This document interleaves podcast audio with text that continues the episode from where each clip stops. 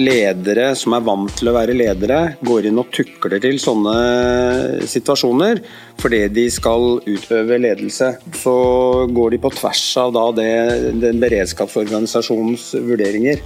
Eh, og det skjedde ikke hos oss. Velkommen til ny Deloitte-cast-episode, og velkommen til ny sesong. eh, Og velkommen til både lyttere og seere. Vi har eh, fått et litt eh, ja, testa et litt nytt oppsett her i studio til de av dere som ser på på YouTube. Så det er vi fornøyd med å vise fram litt av utsikten vår. Det er god stemning. Guro hun er fortsatt på ferie, faktisk. Og vi tar opp i dag eh, 5. eh, juli, så Så det er grunnen til det. Men det er også grunnen til at vi har fått inn tre eh, flotte gjester eh, her i dag. Altså, Per dags dato, som da er i starten av juli, så står vi jo kanskje en liten bølgedal da, når det gjelder denne, den, eh, det største utbruddet når det gjelder eh, pandemien. Og Vi har jo stått over, overfor en av de største samfunnsmessige krisene i moderne historie. eh, Og helsevesenet har blitt satt på en virkelig stor prøve. Så det vi lurer på i dag, er at vi har lyst til å ta et lite blikk tilbake og få, få høre fra innsiden av, fra, fra et av de sykehusene som ble hardest rammet. Hvordan var det egentlig å ri- å rigge seg eh, for, for det som var på vei til å skje når vi ser tilbake i mars? eh, Og underveis var hvilke utfordringer og eh, problemstillinger var som dukket opp. Både ledelsesmessig, organisatorisk og ikke minst helsefaglig. Så det skal vi prøve å få svar på i dagens episode. Vi har med tre flotte gjester. Vi har med viseadministrerende direktør hos Ahus, som har vært der i 13 år, og har til og med en bakgrunn som konsulent i seks år. Velkommen, Jørn Limi. Takk for det. Ja. Så har vi beredskapsleder og overlege, kirurg. eh, Har jobbet hos Ahus eh, siden 1996. Eh, Var også prosjektleder for flytteprosessen til, Ahus tilbake i hva var det, tolv års tid? Ja, 2008 flyttet vi inn i nytt. Ikke sant. Så velkommen til deg, Frode Østrem. Tusen takk. Og så har vi vår eh, siste gjest, eh, som er senior manager her i Deloitte. eh, Har jobbet faktisk 17 år i, i helsesektoren. Som både sykepleier, helsepolitisk rådgiver, konsulent og ikke minst prosjektleder for en del virksomhetsutvikling og digital transformasjonsprosjekter. da. Så Sumaya Bach. Er det riktig? Bach? Bach. Bach. Ja. Jeg hadde så veldig lyst til å få den her musikalske. Jeg syns det var så veldig sånn her få Det er den- sånn som komponisten. ja, det er vi må ha med han Johan eh, inn der. Ja, absolutt. Men uh, hvis vi kan bare begynne, kan vi ikke begynne på, uh, på starten, holdt jeg på å si. Altså, Ahus var det sykehuset som kanskje ble hardest og ikke minst tidligst eh, rammet mm. av hele pandemien, var sammen med Ullevål, kanskje. Eh, kan jeg ikke bare begynne med å beskrive litt hvordan har det vært egentlig å håndtere hele denne situasjonen? Ja, altså det, det som var utgangspunktet, var at vi blei vi, vi, vi fulgte selvfølgelig med på hva som skjedde i Europa og hvordan det utviklet seg i særlig Italia.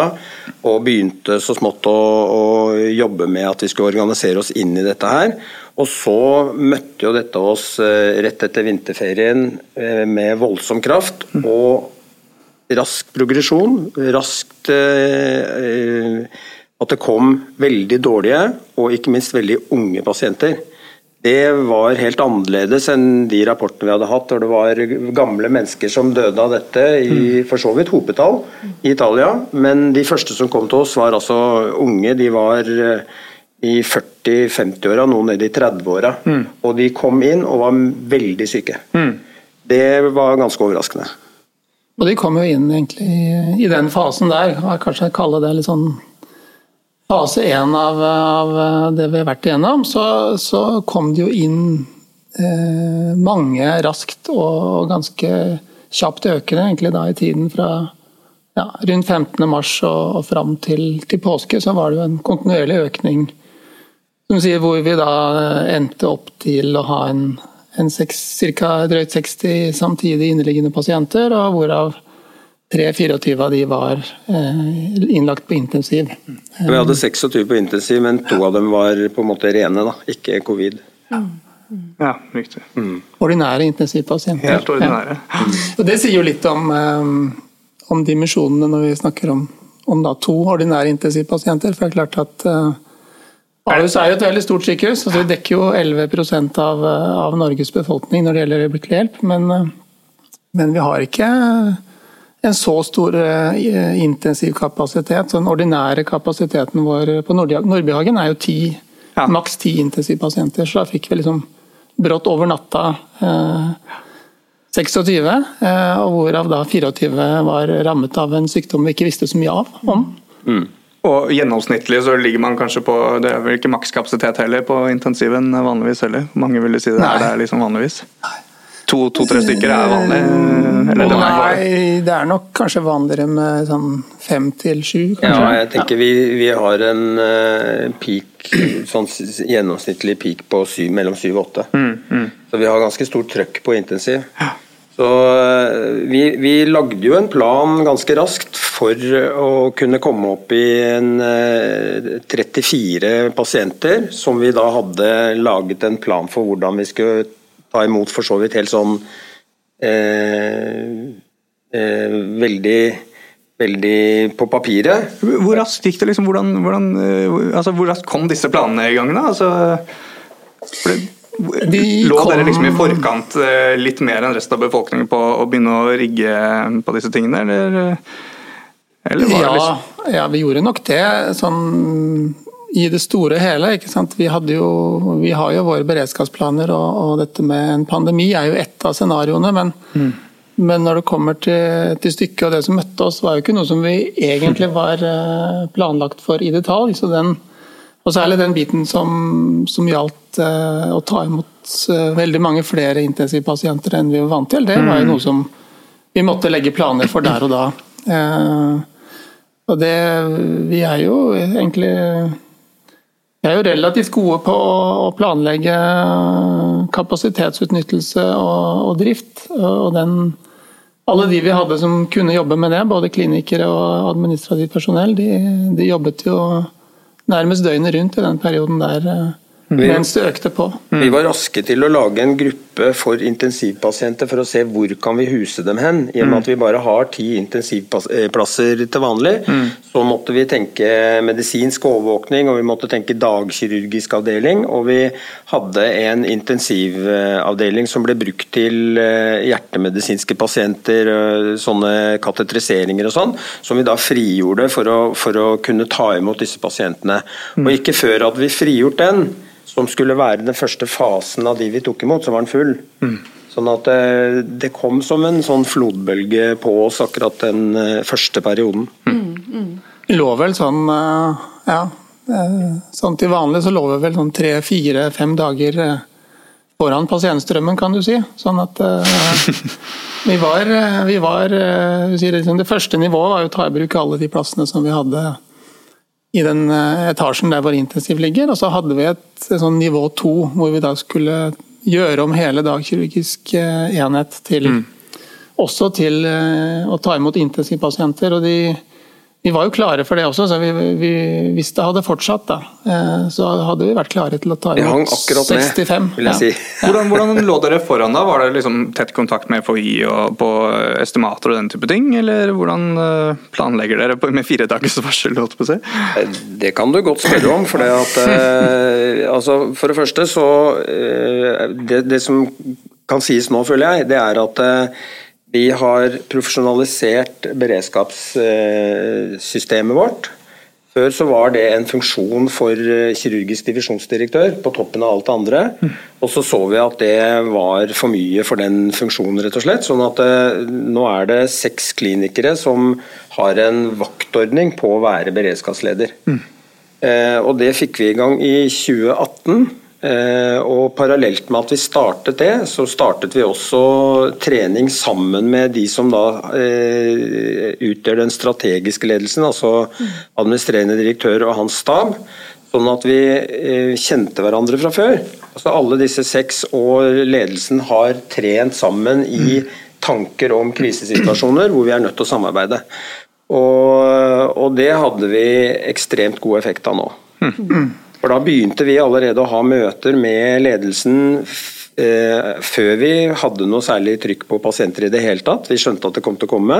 Og da begynte vi den der gruppen som skulle se på intensivstrukturen. Hvordan gjør vi det? Eh, og vi, eh, og vi begynte liksom å tenke hvordan er det vi skal utvikle dette videre. og satte folk på å utvikle det fortløpende. Da, hvordan vi skulle flytte folk i at Vi måtte jo ta ned Jeg har også en funksjon som koordinerende overlege på operasjon. Og Da måtte vi jo stoppe all eh, elektiv virksomhet på operasjon ikke sant? for å få kapasitet til å ta oss av Altså planlagte, ikke livsnødvendige Korrekt. eh, Vi fortsatte å, å operere kreftpasienter og øyeblikkelig hjelp, men stoppet med alt det andre. Og så, så flyttet vi de menneskene som da ble tilgjengelige, over i den strukturen som skulle håndtere disse dårlige pasientene. Jeg, jeg starta jo eh, karrieren min på Ahus eh, i 2003. eh, og Etter hvert så begynte jeg å jobbe i postoperativ avdeling, som er da en avdeling som tar imot operasjonspasienter, men også traumepasienter. Eh, og De var jo en del av eh, beredskapsteamet når vi gjorde beredskapsøvelser. Eh, og Det som er så veldig fint med Ahus, eh, det er det at, og beredskapsplaner og øvelser generelt, eh, det er jo det at eh, man, gjør en, eh, man setter av tidsperiode til å gjøre øvelsene, ganske så detaljert. Hvor både helsepersonell er involvert, eh, og eh, man eh, planlegger for å utnytte kapasitet på en annen måte. Og så er det læringen i det som har gjort at eh, nettopp eh, disse planene har utviklet seg over tid, eh, som Frode er inne på. Hvordan ser en sånn øvelse ut, da, bare så vi kan se det for oss, eh, vi som ikke er innvidde? Er det, Nei, det over flere alle- dager, alle liksom? Eller er det, ja? Normalt ikke. Altså Normalt sett så er jo både beredskapshendelser, men også øvelser, er jo noe som går over noen timer eller noen få ganger over, over et par dager. Eh, Og det er jo noe som kan vi sikkert komme tilbake til, men det er noe som har vært veldig spesielt i den situasjonen her. At vi var jo i beredskap i da fra Vi gikk i grønn beredskap eh, 9. mars og gul beredskap 12. mars, og så var vi vel i beredskap da til 11. juni omtrent, var det ikke det? Um, 11. ja. Så, så vi hadde liksom uh, Vi har jo øvd, og vi har øvelser. Uh, de har gjerne vært to, tre, fire timer, eh, eller en dag. Eh, og I denne situasjonen her så var vi jo i en slags beredskapssituasjon i, i tre måneder. Eh, og det Jeg må, jeg må se det for meg. Er det sånn at dere liksom går rundt og tester ok, da flytter vi disse tingene her, eller ser dere på en tavle og trekker bokser, vi må flytte disse menneskene dit? Eller liksom, hvordan foregår en øvelse? Hvis du tar pandemiøvelsen, da. Akkurat pandemiscenario har vi jo ikke øvd for. Så vi har jo, det er jo også typisk at vi øver jo mest for mer akutte hendelser, kan du si. Ja. Men det, det som er å si om en Terror og den type ting, liksom. Ja. mm. Men, og store ulykker og sånne, sånne ting. Eventuelt eh, hvis eh, strømmen går ned, eller vi mister vannet, eller sånne ting på Ja. sykehuset, som er helt kritisk for et sykehus, selvfølgelig. Men, eh, men eh, jeg sitter også i en gruppe på sykehuset med smittevern og beredskap eh, mot kommunene. Og da driver vi faktisk Vi holdt på å lage en øvelse for en, en, en stor influensa, tung influensaepidemi. Og hvordan vi eventuelt skulle sørge for at folk blei eh, vaksinert, og hvordan vi skulle strukturere det mellom kommunene og sykehus. Fordi at en pandemi den vil jo ramme kommunene og befolkningen minst like hardt som sykehuset ofte. og det er jo på en måte ikke kommet så godt fram, kanskje, eh, hvor tungt det har vært for kommunene, dette her. Eh, Det har vært veldig fokus på sykehuset og de dårlige og sånn, men, eh, men det vet jeg jo at vi har hatt ukentlige møter med kommunene, hvor, hvordan de har slitt med smittevernutstyr og alle disse tingene som, som kom opp etter hvert som store problemer. Da. Så vi har jo begynt å tenke på det, men ikke i den skalaen med den dødeligheten og den alvorlighetsgraden som dette nå liksom rammet oss. og Der var vi ikke godt forberedt, det tror jeg vi bare må slå fast. Men eh, et spørsmål til deg da, Frode. Eh, I en sånn type responsfase, da, hvor man skal prøve å skape eh, forståelse over, over situasjonen og få en kontroll, eh, hvordan skapte dere denne kontrollen eh, i det dette virkelig slo til? Eh, Ja, altså vi, vi, For det første så, så begynte vi allerede tidlig å ha møter med det som er i, i beredskapsplanen. Så deler man jo da i strategisk ledelse, som er administrerende direktør og hans stab, som skal håndtere mediene og som skal håndtere liksom det eksterne rundt sykehuset. Og så har du den taktiske ledelsen, som er eh, meg og de andre fem, som da styrer hva vi gjør med de pasientene som kommer inn i sykehuset. Eh, og hvordan vi skal håndtere det. Og I, denne, i, en, I en skadesituasjon så er det ganske greit. Da kommer pasientene dårlig inn, og vi håndterer dem i akuttmottaket, vi opererer dem, vi gjør sånn og sånn. og Vi sier fra til strategisk ledelse at vi, nå har vi brukt opp de ressursene der, og dere må opprette eh, pårørendesenter, og dere må snakke med mediene og liksom alle de tingene der. Vi snakker sammen om det. I denne situasjonen så går jo ting over lang, lang tid. Og vi, vi, ser at ok, nå har vi seks dårlige, nå har vi brukt opp den ene intensivavdelingen. Hva gjør vi nå i forhold til hvor skal vi ta neste, og hvilke mennesker skal passe på dem og sånn. Eh, sånn at da var vi jo nødt til fortløpende å gjøre vurderinger i forhold til det. Mm. Men i beredskapsplanen så ligger det jo også det at du har det primære beredskapsteamet som du slår en alarm på, og da får du krumtappfunksjonene i hele sykehuset. De møter da til et møte. Mm. Hva, hva, betyr det? Eh, altså de, de Lederne av eh, ja. de primære vaktlagene. Infeksjonsavdelingen, mm. eh, anestesiavdelingen, operasjonsavdelingen. Mm. Alle de som på en måte tar seg av alle funksjoner i sykehuset, mm. de går med calling. Og de, vi ber da sentralbordet om å slå den alarmen, og så kommer de dit vi ber dem om. Da kommer de løpende? Da kommer de løpende. Ja. Vi sier at de skal komme til det tidspunktet, så kommer de til det tidspunktet. Tenk om man hadde vært sånn i næringslivet òg. det er jo sånn på noen områder, men du må bare ringe på noen andre callinger. Ja. Så det vi, det vi, gjorde, var helt konkret at vi hadde et Vi hadde først på morgenen så hadde vi et møte med smittevernoverlege. Vi i beredskap eh, hadde et møte for å se hvor mange har kommet inn, hvordan, og sammen med intensiv. Hvordan ser det ut? Så hadde vi et møte med ledelsen, og hvordan gjør vi dagens strategi?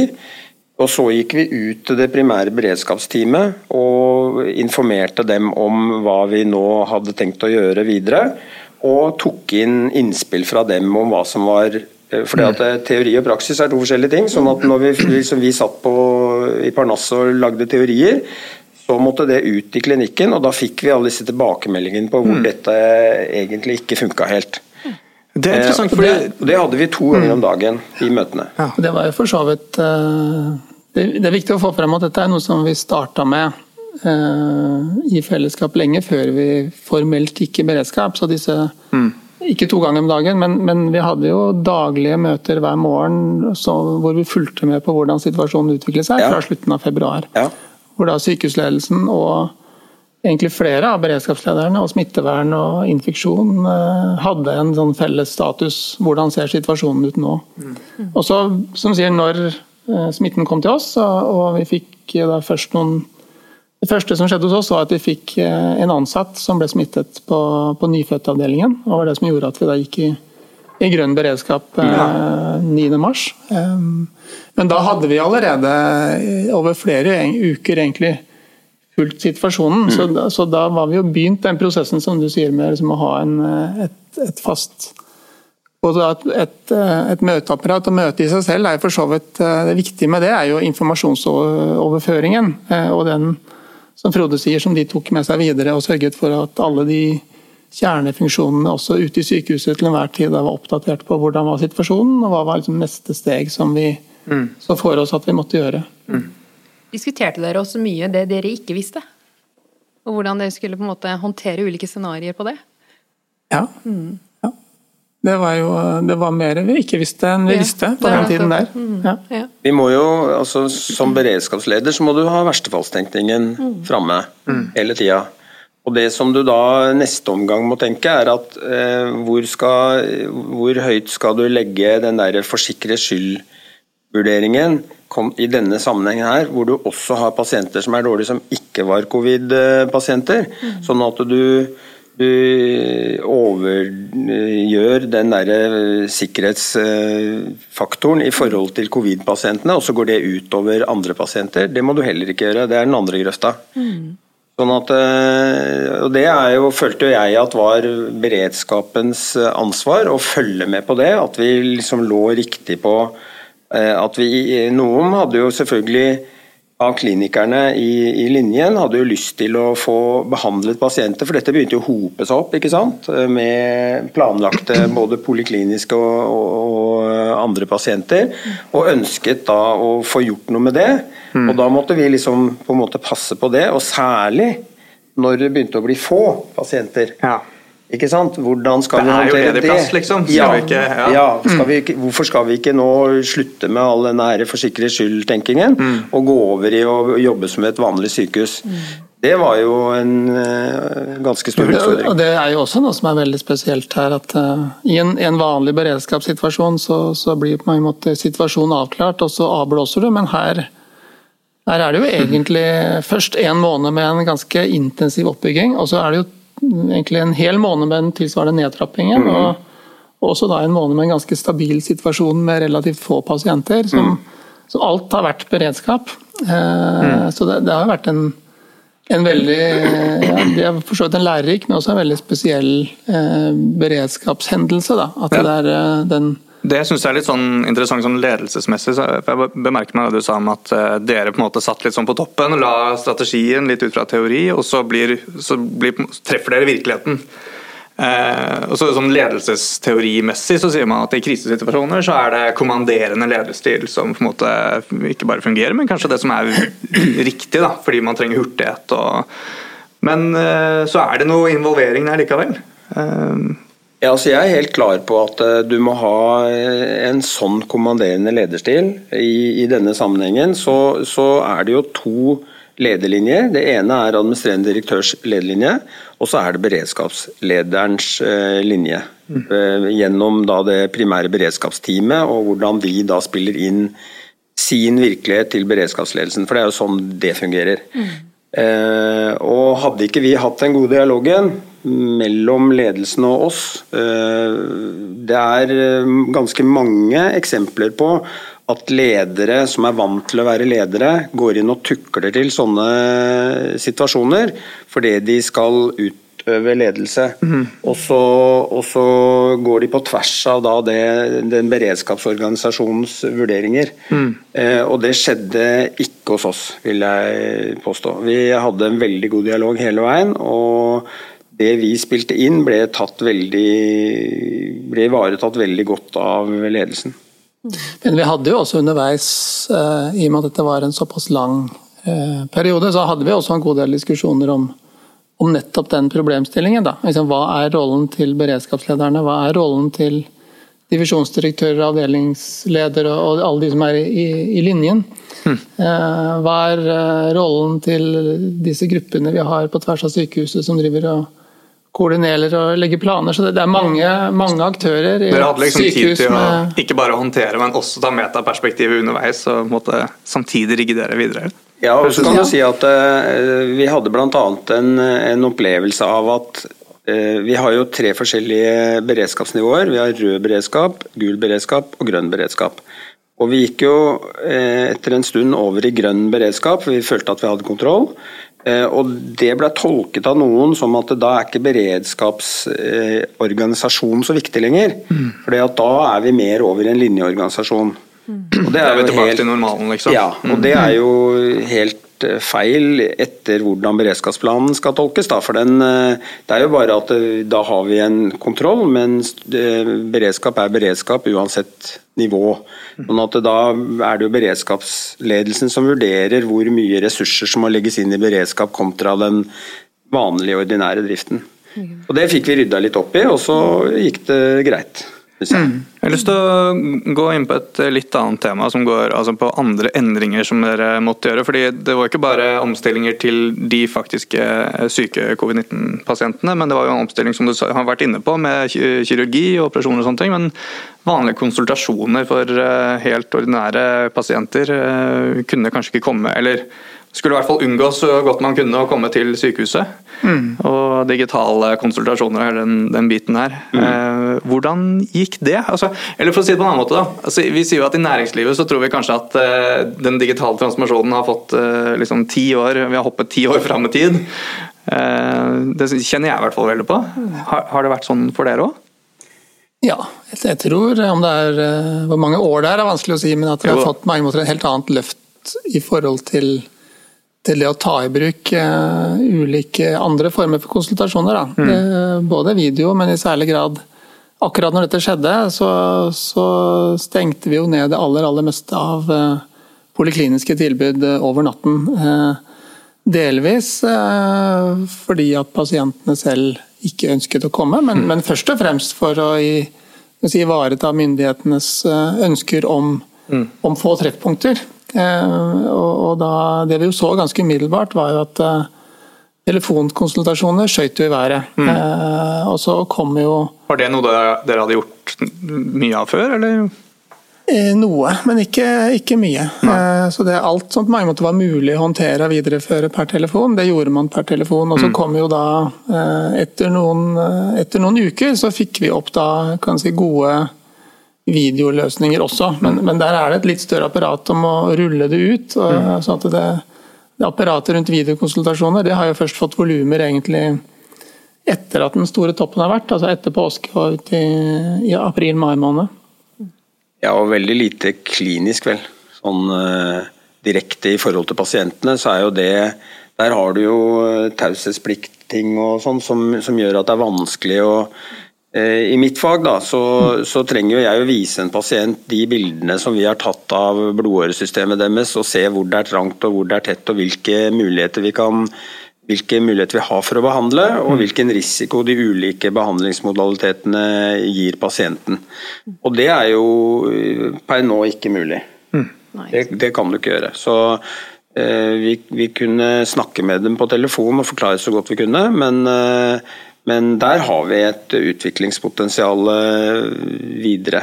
Og telefonkonsultasjoner tror jeg også at eh, vi kan gjøre mye mer av. Mm. Mm.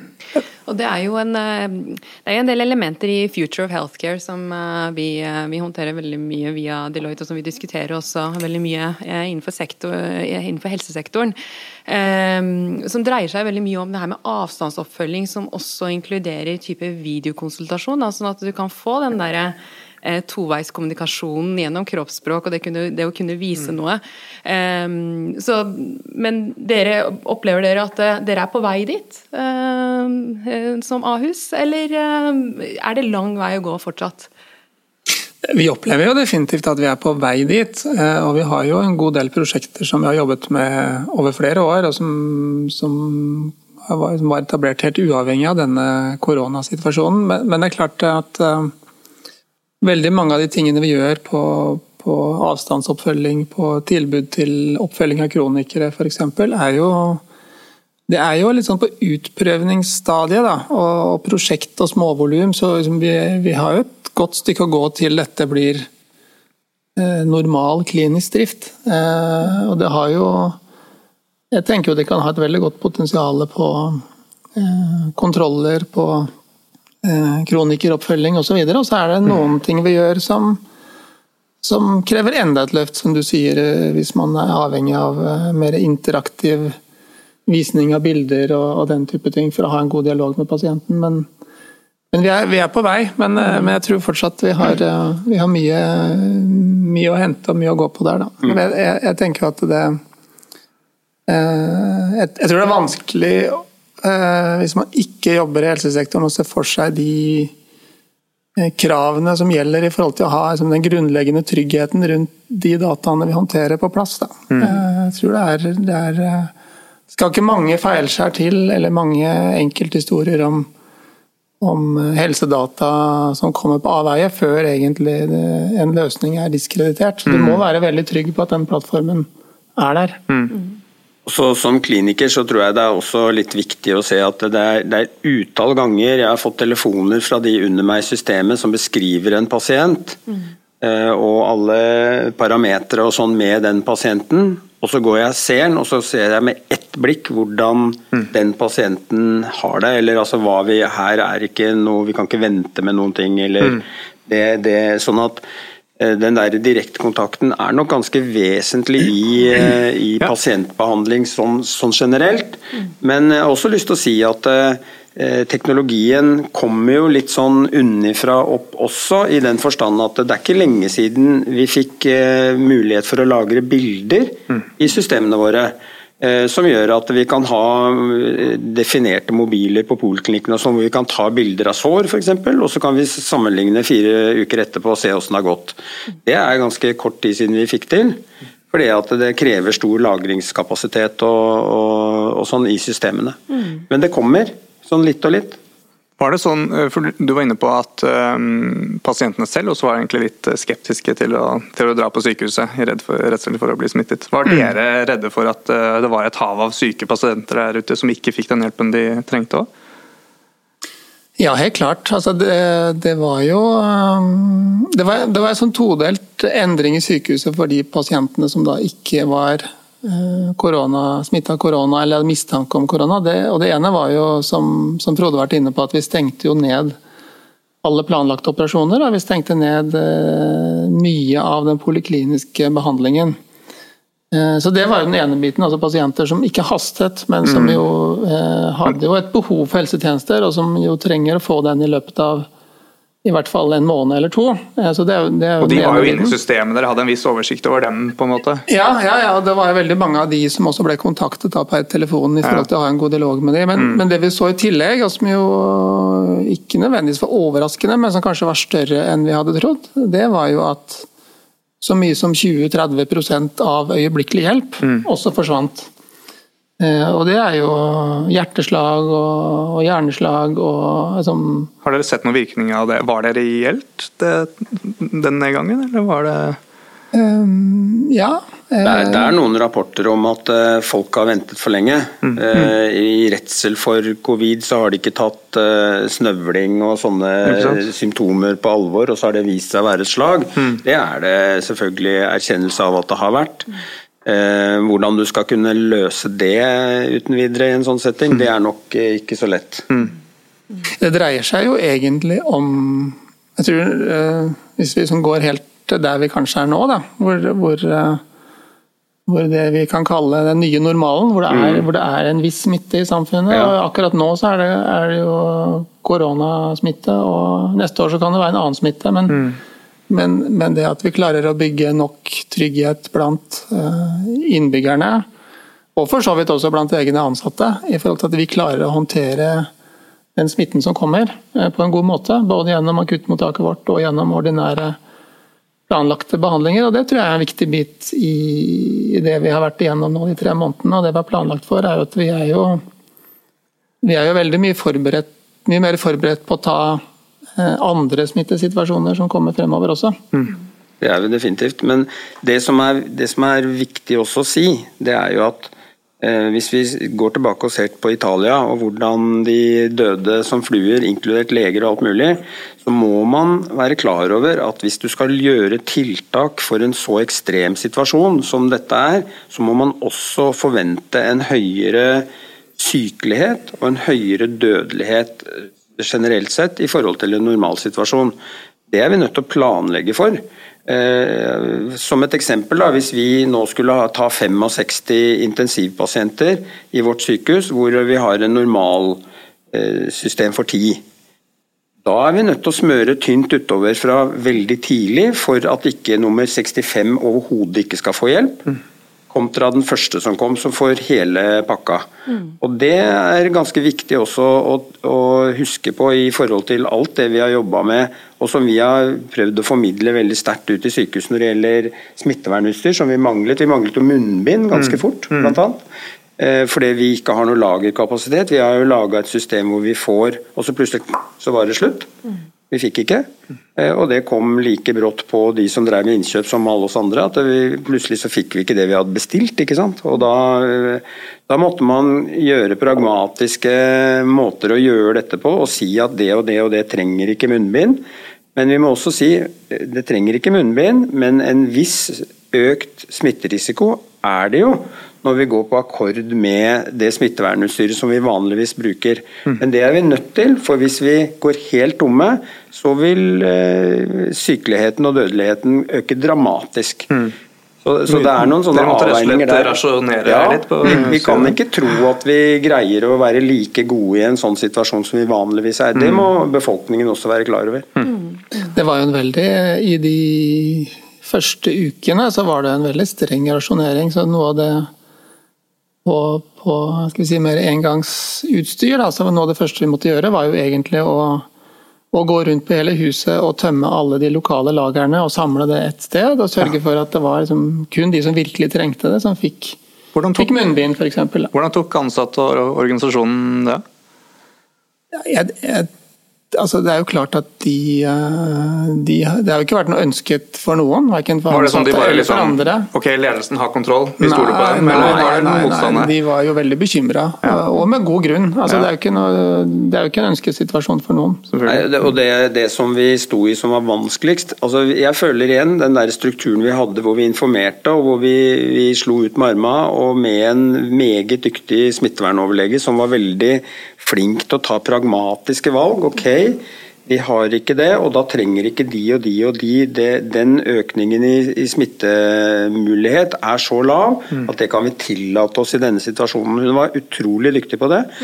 Rett og slett en ordentlig risikoanalyse på hvor er det Og fortløpende. Ja, og konsekvens, Eh, eh, over bordet, nærmest. ikke sant? At du greier å gjøre det, og være så kompetent, det, er, eh, det har vi vært veldig heldige med. Mm.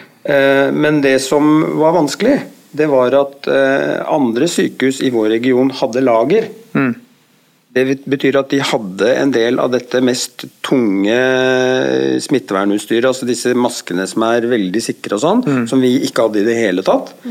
Eh, og folk snakker jo sammen. Sånn at da kom det opp hvorfor får Ullevål og andre sykehus lov til å bruke den typen masker, og vi blir nektet å gjøre det i den og den og den situasjonen. Eh, hvorfor, er, hvorfor gjør dere det sånn? Det? Og, og da prellet på en måte vår eh, argumentasjon. Vi har ikke, og vi får ikke. Ja, men det får jo ikke de andre sykehusene heller. Men de gikk jo ikke ut med at de hadde litt lager, da, vet du. Så, så der kom vi litt i skvisen, faktisk. Bare så sleit med kommunikasjonen.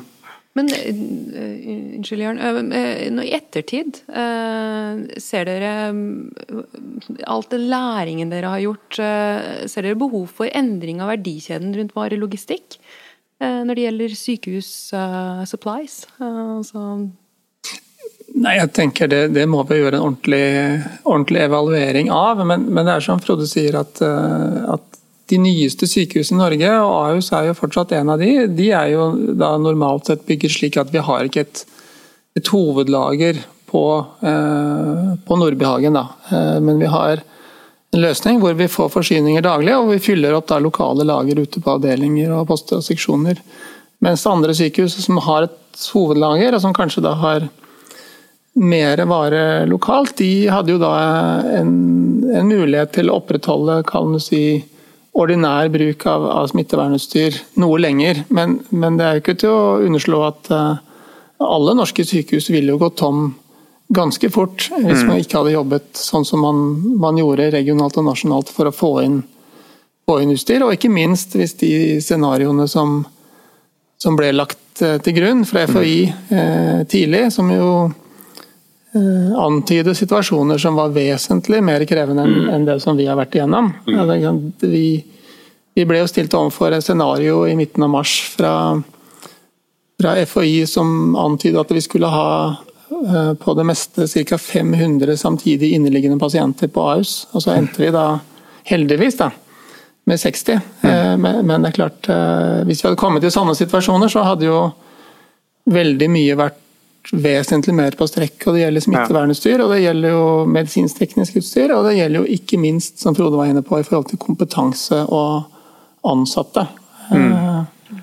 Det, er, det, er, jo litt sånn hvis du har ti ordinære intensivsenger i drift, så kan du alltids gjøre om og bygge om og omprioritere noen rom, men du har fortsatt ikke så veldig mange flere intensivsykepleiere, så de må jo fordeles utover etter, etter beste evne. Da. Så må vi forsøke å ha hurtigopplæring av andre. Men, for det, Vi skal begynne å avslutte nå mm. om ikke så veldig lenge, men det var, det var et tema jeg tenkte på altså, med de ansatte. og det å jeg vil jo regne med at når, når, når, krisen kommer, og man står alle på en måte basically står i full beredskap og klare til å ta i et tak, så gjør de fleste det som skal til.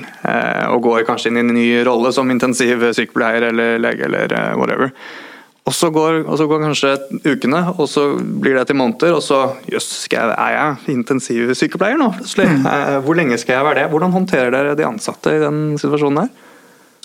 Ja, det, det, det, har vært en, en, krevende situasjon både for enkeltmedarbeidere og for, og for virksomheten. Jeg tror, jeg tror, det er viktig sier, å, å, virkelig berømme alle de som har bretta opp armene og stått på og påtatt seg nye roller som de jo veldig mange kanskje ikke har følt seg fullt ut uh, kompetent ut for å ta, men som, som de gjorde, og som jo Som man, veldig mange som jobber i helsevesenet tenker at det er jo den uh, Det er helt naturlig å gjøre det og bidra i den perioden hvor alt den kaller den fase 1, hvor alt mm. bygde seg opp. Men så etter påske Eh, når vi fortsatt står med en, og det gjør vi også i dag, en slags eh, ekstraordinært tiltak i akuttmottaket vårt, hvor vi har eh, skilte pasientstrømmer. altså Så vi allerede fra inngangen kan forsøke å sortere ut hvem vi har mistanke om smitte på, og hvem som, mm. hvem som ikke har det. Så er det klart at de som meldte seg for å jobbe i akuttmottaket mm, og tenkte at dette skulle vare en måned, og som fortsatt jobber i akuttmottaket. Det er klart, de er jo øh, åpenbart øh, slitne. Også litt sånn Det er vanskelig å, å klare å motivere på samme måte øh, både for lokale ledere og for virksomheten samla sett. Da, for, hva, hva sier dere til henne, hvis de står der fortsatt nå? Hva slags kommunikasjon har dere liksom, i den det er klart at den kommunikasjonen den skjer jo eh, av førstelinjeledere ute i mm. virksomheten. Og det er jo en gruppe som måte, virkelig har, eh, har måttet stått på i denne, denne situasjonen her. Både mm. for å håndtere utrygge og utålmodige, og for så vidt også ivrige medarbeidere som gjerne ønsker å gjøre enda mer. Um, men det er jo et uh, Man må jo forsøke å balansere da, i forhold til hvordan klarer vi å ivareta de behovene som som befolkningen og systemet har, og hvordan klarer vi etter beste evne å tilpasse det til, til det som den enkelte ansatte kun uh, har behov for, og hva de, hva de tenker seg. Hva med dere, da, oppi det hele? Det, ble det noe søvn der de første ukene? Var, det, var dere hjemme, eller var liksom, hvordan var det der? Det kokte ganske mye. Vi var jo hjemme. altså Som sagt, vi, i beredskap så hadde vi to stykker på og fire stykker av eh, i normal eh, aktivitet da, eh, til enhver tid. Mm. Sånn at vi, vi, fikk jo pauser hvor vi kunne tenke på noe annet, men det gikk jo ganske Klart, mye i det likevel. Klarte dere det? Jeg kan se for meg at jeg hadde hatt så dårlig dårlig, altså i deres jobb liksom, hatt så liksom, nesten dårlig samvittighet på å gå hjem når du ser at det er at det er krise på jobben. Liksom. Ja, altså fra, fra, vår side så klarer du det til dels, men det, det er klart du er, er inne i loopen. Og vi hadde, ja, du er også litt vant til det. Som kirurg så er du på veldig sterkt når du er mm. på, og så er det andre som tar over. Mm. Eh, men jeg har lyst til å bare si litt om det med, med omplassering av, eh, av, folk og sånn. Mm. Det, vi, det vi også opplevde, som jeg tror vi skal ta med oss veldig, det er det at de er jo definitivt ikke vant til den jobben de da skal gjøre. Eh, helsevesenet er veldig spesialisert, og de får en, en sånn krasjkurs.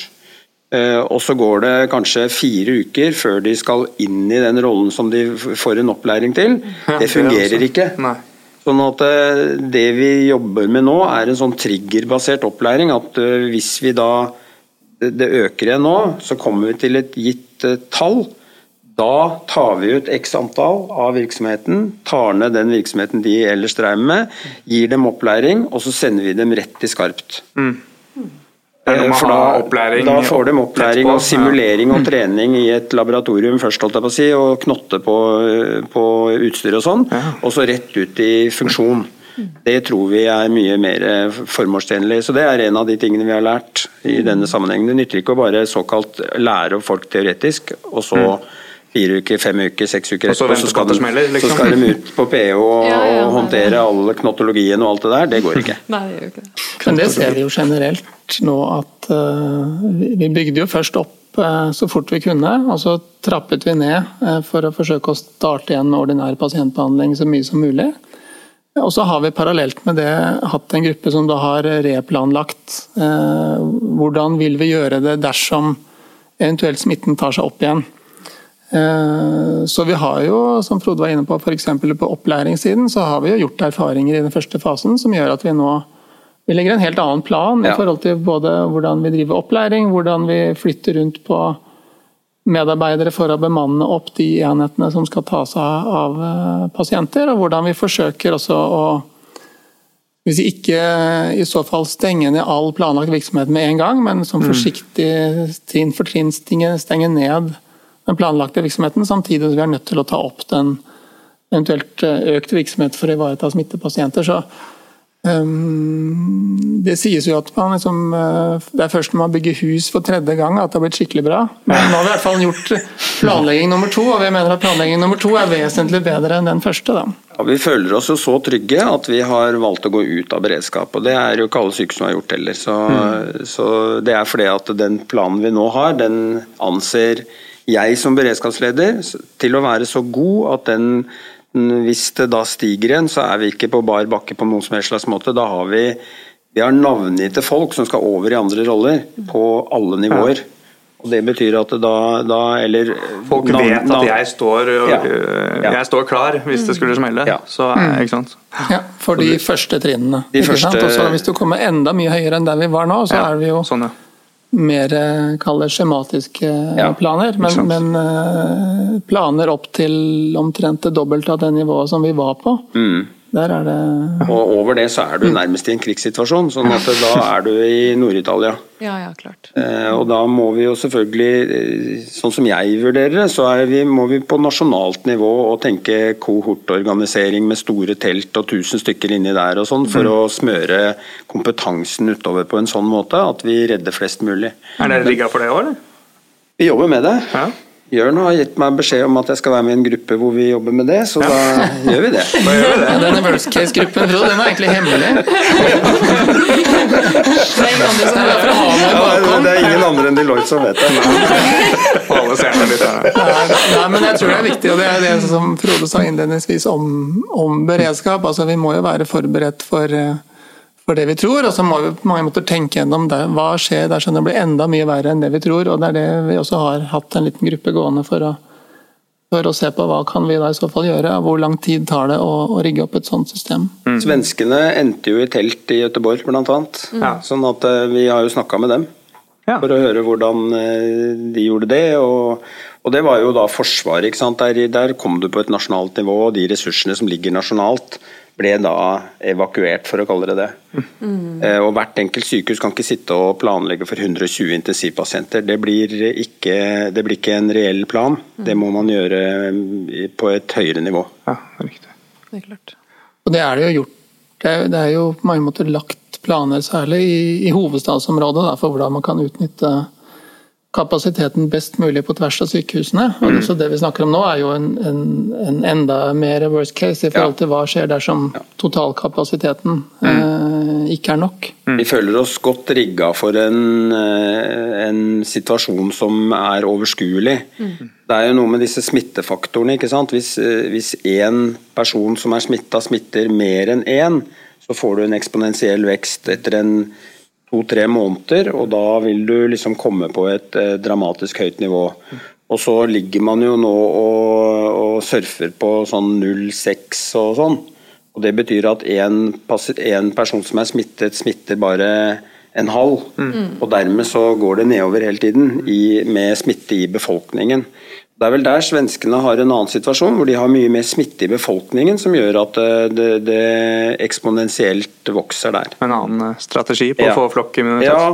Vi skal ikke gå inn på den uh, debatten her, men er det noen siste ting som dere vil si til, til, de som lytter på, av liksom, ting som de bør være klar over, eller som, hva de kan støte på når de eventuelt kommer til Ahus, hvis det skulle bygges opp, eller er det noe? Ja?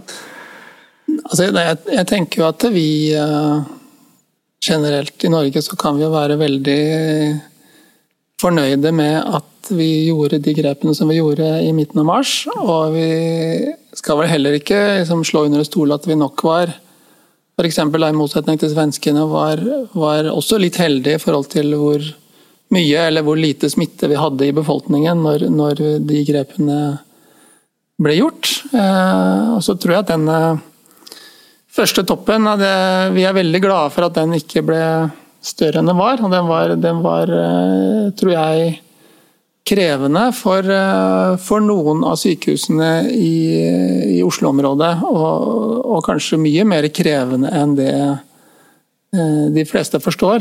Altså det for et sykehus å gå på de aller mest bemannings- og kompetansekrevende funksjonene som akuttmottaket og intensiv, å gå til en type tredobling av aktiviteten mm. med en pasientgruppe som du ikke egentlig vet så mye om. Mm. Det, det, tror jeg Jeg tror ikke det er så mange egentlig som eh, Det er mange som puster letta ut, og det er jo bra. Mm men, Men jeg tror ikke det er så mange som liksom virkelig har skjønt hvor krevende det var for de som, mm. som sto i det, og som jobbet eh, på intensivavdelingene hos oss og andre steder hvor de fikk, fikk mange pasienter. Da har de kanskje fått et lite innblikk her nå, forhåpentligvis. Et litt bedre bilde på hvordan det var. Men jeg syns det er ålreit å si også at jeg syns samfunnet for øvrig også har vært ekstremt flinke til å snu seg rundt. Og disse mm. merkelappene på gulvet som gjør at jeg husker på å stå en meter fra mm. nestemann i butikken. Og, og, alle disse ganske enkle tiltakene. fordi at Igjen tilbake til eh, Bakken Jørgensen, smittevernoverlegen vår. Det er de aller enkleste reglene som er de aller viktigste. Mm. Vaske hendene Eh, sprite seg, holde seg én meter unna folk. Da tar du liksom 95% av smitten, og så er alt det andre resten. Så Hvis man liksom, befolkningen greier å fortsette med det, så vil det, dette gå ganske bra. Mm. Er det noen sånne siste refleksjoner du har som har, sånn eh, Ahus kontra resten av helsevesenet, hvis du vil ta den, eller noen andre ting du sitter inne med? Ja, altså, jeg, jeg, må si at eh, jeg har jo veldig spesielt forhold til Ahus. Eh, jeg syns det er veldig ålreit at dere hadde lyst til å dele deres erfaringer fra denne situasjonen med oss. Og det er som Jørn sier, jeg tror ikke vi klarer å forestille oss hvordan det har vært å stå der i frontlinjen og håndtere denne krisen sånn som helsepersonell har gjort, og ulike ledelsesnivåer har gjort. Mm. Så all ære til dere. Og så er det som Frode sier, og en oppfordring fra oss at eh, vi må, selv om samfunnet har åpnet opp, så må vi fortsette å følge smittevernreglene. Mm. Eh, for det er på den måten vi kan eh, håndtere den nye normalen. Mm. Da kan vi gå ut på de oppfordrende ordene der, tenker jeg. Og så igjen mm. takke dere alle for at dere kom hit i dag, og håpe at det har vært nyttig for lytterne og, og, ikke, og ikke, minst interessant å høre på og se på. Så kommer vi med en ny episode vi om eh, et par uker, og da er Guro eh, også med. Eller regner jeg med, eh, det får vi bare satse på. Og så er det ellers bare å sende inn spørsmål og forslag til temaer på podcast.deloitte.no. Og ja, med det så sier vi bare at vi høres.